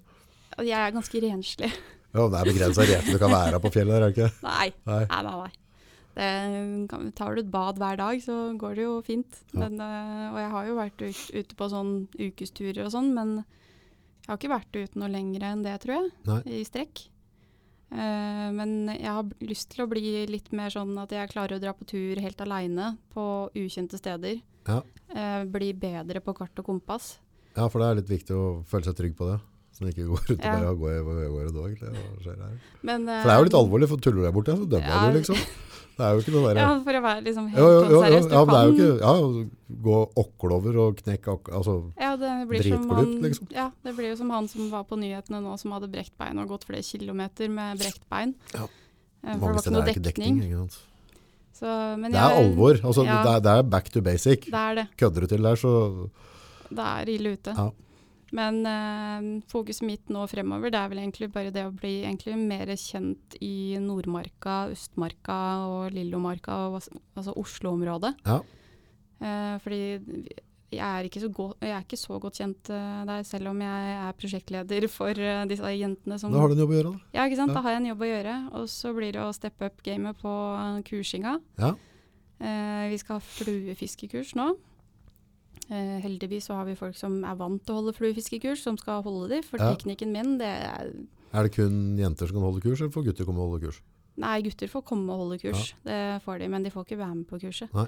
Men det som er litt morsomt oppi alt det her, da, det er jo det at eh, etter at vi begynte å holde disse jentekursene, så har det kommet helt sinnssykt mye forespørsler fra menn. Å ja. ja, det sier seg sjøl. Ja, nei, altså ikke at de kan være med på de kursa, Nei. men de vil ha kurs, de òg. Ja, så bra.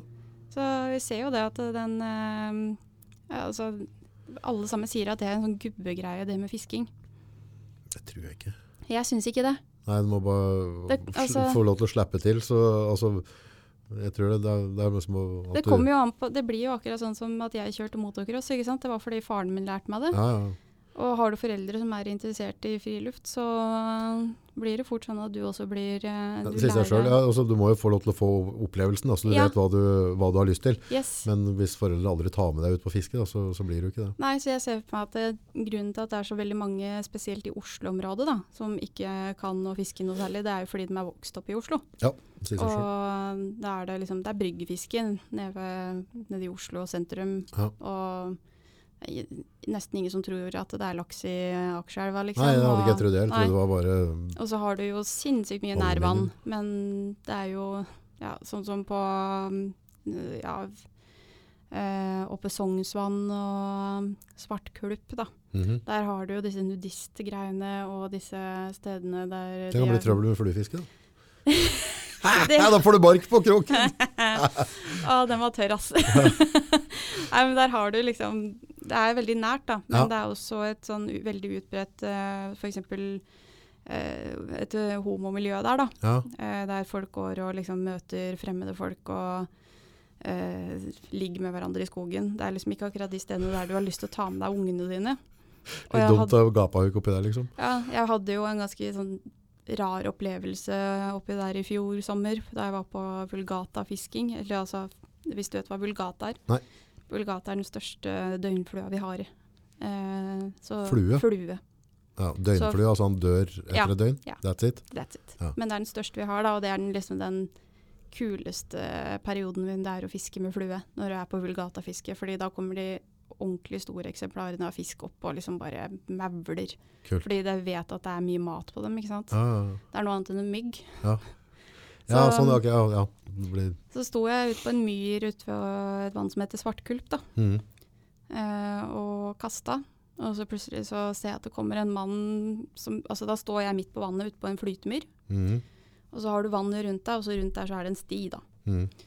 Og så ser jeg plutselig at det står en mann og ser på meg. Og så, tro, så ser det først ut som han står og pisser. Så jeg tenkte ok, jeg bare snur meg til sida. Bare lat som ingenting. Bare lat som ingenting. Mm. Eh, og så vaka det plutselig den veien, da. Igjen der han sto. Så jeg så jo den veien, og da bare Han har ikke slutta å pisse ennå. Han står ikke og pisser. Han står og runker. Åh, jeg bare liksom Naturopplevelse. Ja, hva faen gjør jeg da, liksom? Så jeg bare Nei, da er jo svaret. Du vet hva du gjør med brunstig Jeg sliter Det var nesten så jeg holdt på å liksom pælme stanga etter han, liksom. Jeg ga han fingeren og bare hei! Ropte etter han. Ja, Tok han- hint og gikk, eller? Nei, det var jo det han nesten ville. At jeg sto der ute, og han sto der. Jeg kunne ikke gjøre noen ting. Han kunne stå og gjøre akkurat det han ville, ikke sant. Ah. Så han syntes det var kjempegøy å få oppmerksomhet, så jeg snudde meg. Jævla sært. Ja. Så jeg bare snudde meg, og da Gode gamle blotteren. Ja, den gode gamle blotteren. Hvor er den i dag, liksom? Der. Der var den. Svartkulp, var det kalt det? Ja, så Der er den. Der er den. så øh, hvis han hører på den podkasten her og husker ei jente som sto med vader ute på myra der i fjor, Ja. du kan hilse og si at det var forferdelig dårlig, forferdelig dårlig minne. Ødela fisketuren. Ødela hele fisketuren. Faen, det var der, eh, Det var en av disse komikerne som drev eh, ja, Nå husker jeg ikke hvem det var. Var det Ekbo? Eller? Nei, jeg husker, det var en av disse gutta der som var, var blotter. da. Og så, eh, ja, det var litt merkelig, for det var skikkelig sjenert og sånn. da. Når man var på skole og sånn. Turte ikke å prate i klassa og var veldig sjenert og sånn. Og så, så var det liksom litt så rart, for lå drev og blotta hele tida. Så han skjønte ikke hvor han hadde det fra, for han var egentlig sjenert.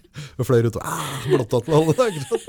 Så det var på en måte så var det litt fram, framskritt, da, for før var han sjenert. Liksom. Da får vi Ja, hilse, hilse han fyren da, og håpe, får håpe at han ikke er like sjenert lenger, og at han ikke må blotte seg for å ikke Ja, for være kjent, ja, for å Kanskje det var- mestre det. Ja, mestringsgreier han drev med. Kanskje han kan finne på noe annet å drive Ja. med. Gidder, liksom. Ja. Ja. Nei, så til slutt da, så Nå i dag er jo egentlig bare opp med kamera, livesending Det og bare Zoom.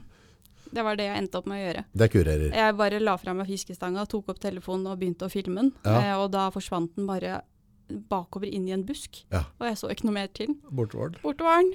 Har ikke sett den siden. Men det er sånn du kan oppleve der, da. Og det jeg sier til jentene mine eller eldste år, så er det, bare dra opp fram kamera og begynne å filme. Da Ja. vet de ikke om du sender direkte eller hva du gjør. Og så da, da er det ikke noe gøy mer. Vet du. Nei, og her har du forsikringa. Jeg prøvde det, og det funka. Ja, Så, um, men da skjønner du at det, de nærmeste vannene i Oslo Du har ikke lyst Du har ikke alltid Nei, lyst til å ta med unga dine for å fiske. ikke. Nei. Men det går an å kjøre bil litt lenger unna, kanskje? Og, Ja, ja, du har så mye muligheter. Det er, eh, jeg driver og krysser av på lista mi over vann jeg har vært og fiska ved nå. Ja. Det har vel vært kanskje 20 vann eh, hittil i år. Har eh, gått over 100 igjen. Så um, Har litt å drive med, da. har litt å drive med. Ja.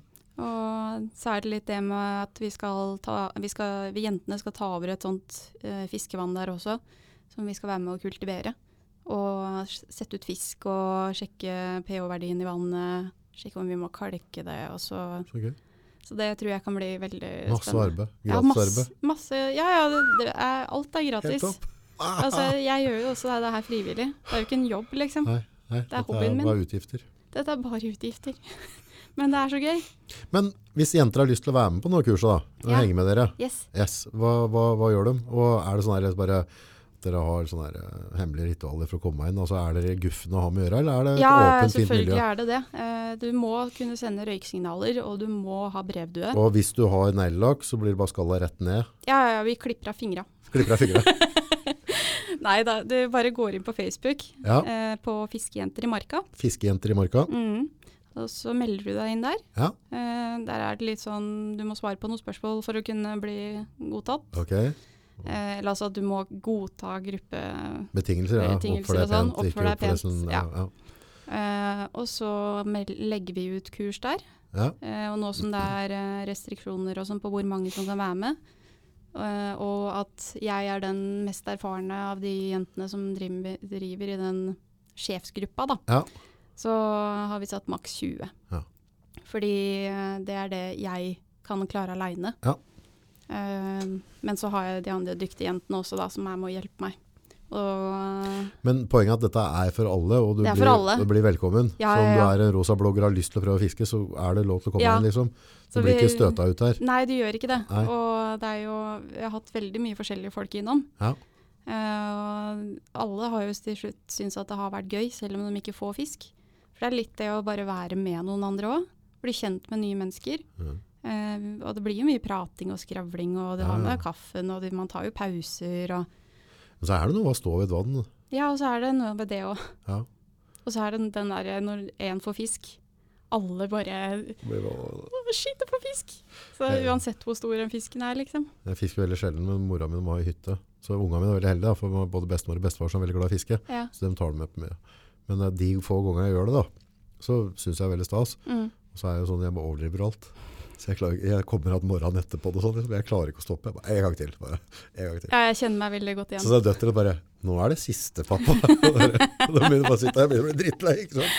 Uh, jeg har jo ja, Jeg um, har hatt det sånn veldig ofte med samboeren min. Ja, Når uh, vi, jeg har vært på tur, da. ja, Og så er det sånn at vi kommer fram til målet. ja.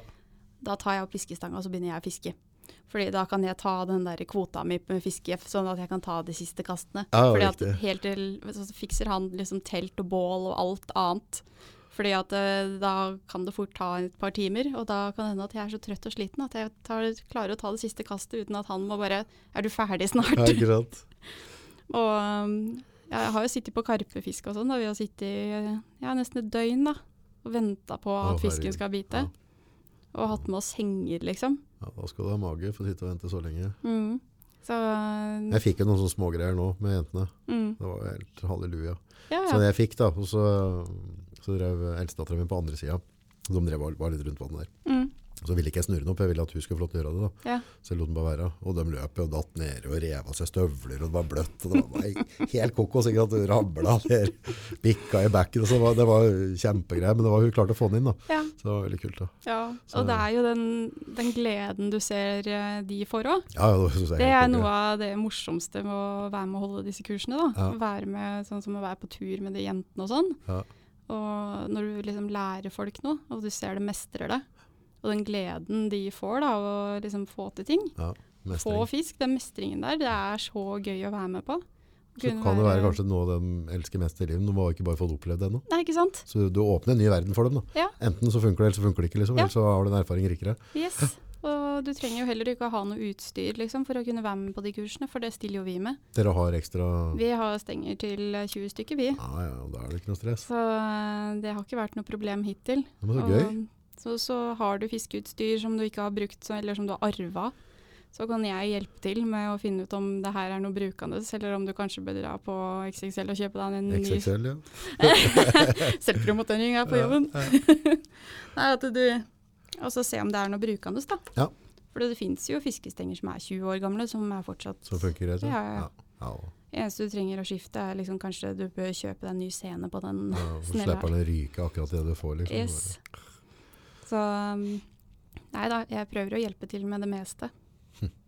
Sånn på tampen, Ja. eh, for, eh, for, for både jenter og gutter, som Mm. har lyst til å oppleve naturen mer og sånn, har du noen liksom, tipsråd, altså fremgangsmåte?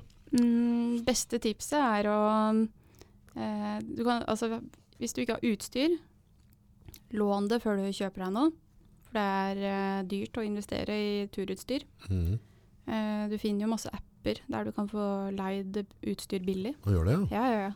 Tror, jeg brukte en på noe kamerautstyr her om dagen. Hyglo. Ja, Uh, kjempefine greier der du faktisk må logge inn med bank-ID og sånt. Så Oi, safe, liksom. Saft. Ja. Uh, der har de også masse telt og turutstyr og sånne ting. Hm. Uh, og så er det litt en utforsk nærområdet ditt. Du trenger ikke å dra Og Finnmarksvidda med Nei. Nei. Du trenger ikke det. Du kan dra i skogen rett bak huset. Eller hvis du, det er, hvis du aldri har sovet i telt før, så ta, sov i hagen hvis Ja. du har det. Prøv deg fram litt. Prøv deg fram. Uh, og en ting som er kjempeviktig, det er å ikke Altså, hvis du skal bruke pengene dine på noe, så er det telt og sovepose. Der skal du ikke spare. Jeg tror du skulle si brennevin igjen nå. Ah, brennevin. Helt klart. Løytende akevitt. Nei, da Telt og sovepose. Telt, Nei, eh, sekk og sovepose. Sekk og sovepose. Ja, Ja. det var det. Ja. Eh, fordi at du skal jo tross alt gå og bære på all den, all, alt utstyret. Og da er det så viktig å ha en god sekk, Ja. eh, uansett hvor stor den er. Så eh, ikke spare inn penga der på å tenke at eh, jeg skal jo bare gå tre kilometer. Men sekken kan du bruke til andre ting Ja, sekken kan du bruke i mange år en god fremover. sekk kan du ha resten av livet, Ja. egentlig. Eh, og det er litt den derre Hvis du sier til deg sjøl at 'jeg skal bare gå tre kilometer', men skal du gå og ha vondt de Mm. tre kilometerne og grue deg til du skal ha den sekken på ryggen igjen, Mm. Eller skal du kjøpe deg en sekk som du kan bruke lang tid fremover, som er god kvalitet, som ikke skader ryggen din? Ja, for en ting er gnager, og så har du dem du merker at du får sånn der at du får spenninger i nakken. At Ja. ikke, ikke, han hviler ikke riktig på Mm. Det er noe skit. Altså. Ja, det er helt det ødelegger mye. Så jeg har gått mye med dårlige sekker, men eh, nå har jeg heldigvis begynt å bruke huet litt, da, for jeg har jo en prolaps i ryggen. Ja. Så, Greit å ta litt på hofta, da. Ja. Ja. Så det har blitt, eh, veldig viktig, blitt veldig viktig for meg å bruke god sekk. Og så er jeg en frysepinne, Ja. eh, så jeg kan ligge ute en, som, en sommernatt med en eh, ja, tresesongspose og og fryse. Så det er litt den Investere i noe du kan bruke hele året der, egentlig. Ja. Og som er i god kvalitet. Og jeg har fått folk inn på jobben da jeg jobba i butikken sjøl, som skal sende unga sine på leir og sånn. Mm. Og så kjøper de en sånn 199 pose? Ja, og, ungen, altså, og så er det Ja. april. Ja. Det er fortsatt frost om natta. Men den skal jo bare ut på leirskole, ikke sant. Det. Men det er sånn Ja, men da kommer ungen din aldri til å sove ute i skogen igjen. Kommer aldri til å ligge i telt. Ja, da er den kurert. for det, liksom. Ja. Så um, Husker da jeg var yngre, så var det jeg var jo så klart i speideren som alle andre. Så vi lå mye ute på vinteren og snøhuler og sånn. mm, Da var det Dovre. Ja. Dovre uten glidelås. mm, Da tror jeg vi lå ute i 20 minus og sånn. Det var helt kurant. Ja. Det var, den var helt Det var liksom eh, så tror jeg du skulle pakke den på, du kunne ikke rulle den. Du Mm. skulle stappe den, tror jeg, for ellers så ødela det. Det var noen sånne regler ja, ja. det, men Men sånn sånn er det med soveposer nå. Ja, Du må stappe de. ja, for ellers så tuller du til fiber, er det det? Yep. Men er det Dovre fortsatt en uh, Nei, jeg bruker Hellsport. helsport? Hellsport uh, Jeg har Hellsport eh, Alta Vinter eh, Lady. Ja. Det må jo selvfølgelig ha Lady. Rosa, eller? Nei, den er lilla. jeg Lilla, jeg syns ja. det er krise. Hvorfor skal det være fargeforskjell? Ja, ikke sant. Eh, men uh, jenter bør ha en damesovepose. Hva er forskjellen på dame og herre? Eh, jenter har mer fòring i bånd til beina.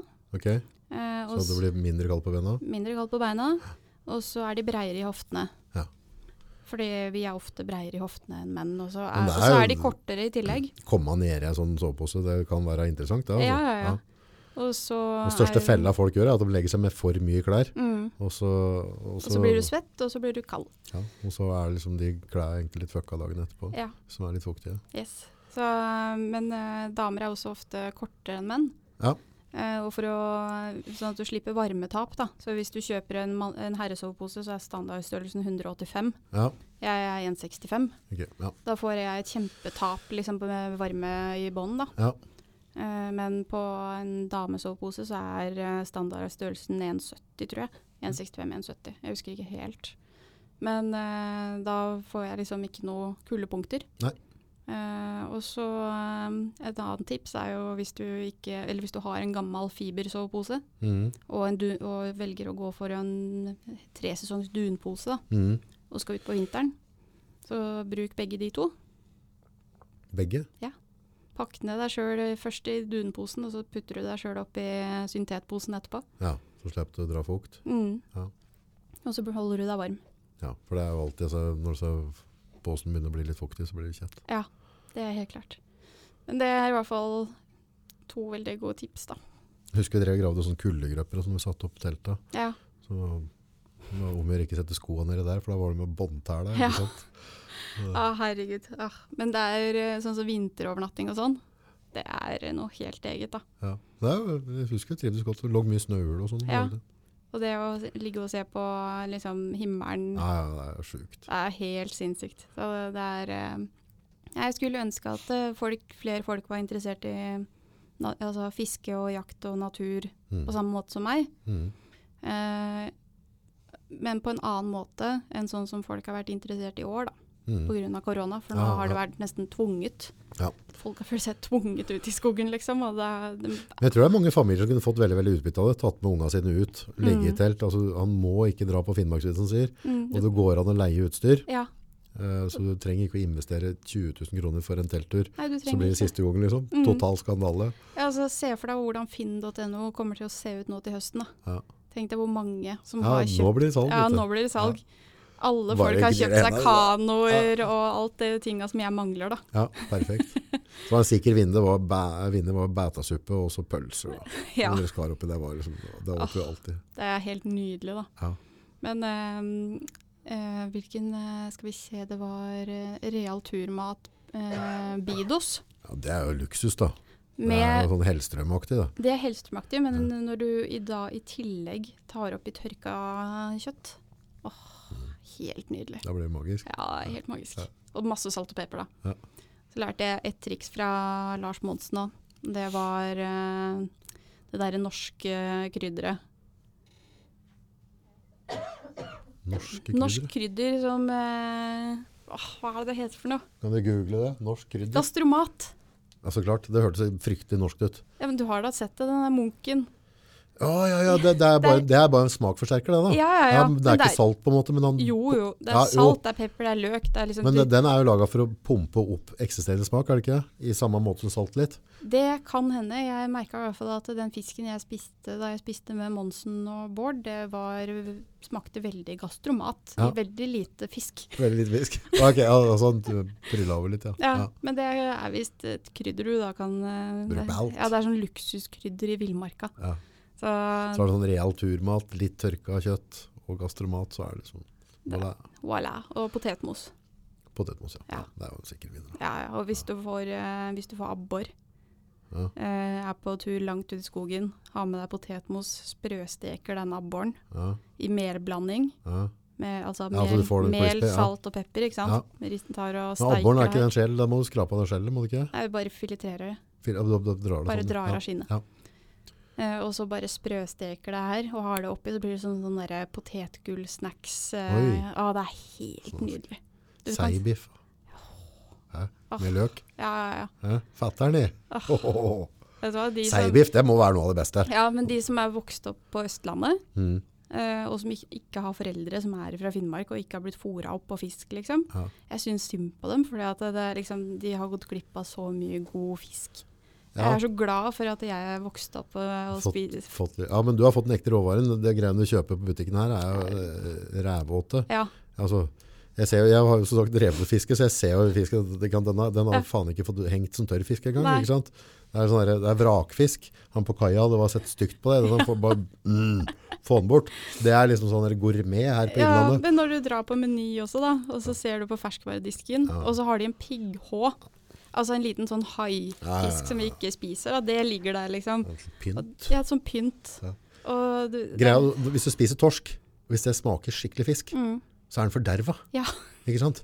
Altså, jo mindre, altså, den fiskesmaken de er vant med her liksom, i Ringsaker, det er forderva mat. ja, det er det. De har glemt å bløgge den, så har de løgget på tre tonn med annen trålefisk, og så har det bare rennet drit ut av dem. Og så har Så- den sikkert ligget i bånn nå, så det er bare masse fisk på toppen som har Ja, rent på byen. Ja. Nei, Jeg mener at fisken skal håndteres på samme måte som slaktekjøtt. Ja. Det skal bløgges, renses, ferdig snakka. jeg er Og helt så skal holde kjølig etterpå. Ikke noen laksegreier, slå det med huet, skal ligge med blod inni.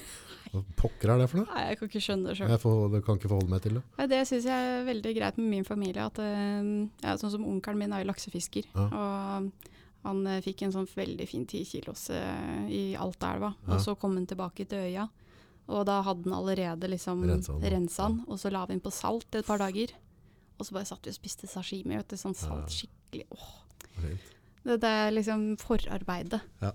Hadde han kommet tilbake med to laks som han ikke hadde gjort noe med, så hadde ikke jeg klart å spise nei, nei, nei, jeg gidder ikke å holde et eller annet. Det går ikke. Det må renses. ja. Ting må renses. Ting må renses. Med det så tror jeg vi runder av. Ja. Tusen takk. Utrolig hyggelig å få lov til å hilse på deg, og artig for historiene. Og så må jeg se det på fjernsyn når du kommer der. Jeg er litt spent. Jeg er veldig spent sjøl. Blir forferdelig skuffa hvis du ikke vinner. Veldig skuffa, kjenner jeg. Nei, ja. Det blir spennende å se. Jeg Ja. gleder meg. Ja, jeg Ja. gleder meg, òg. Så jeg tror eh, Jeg tror det blir den beste episoden.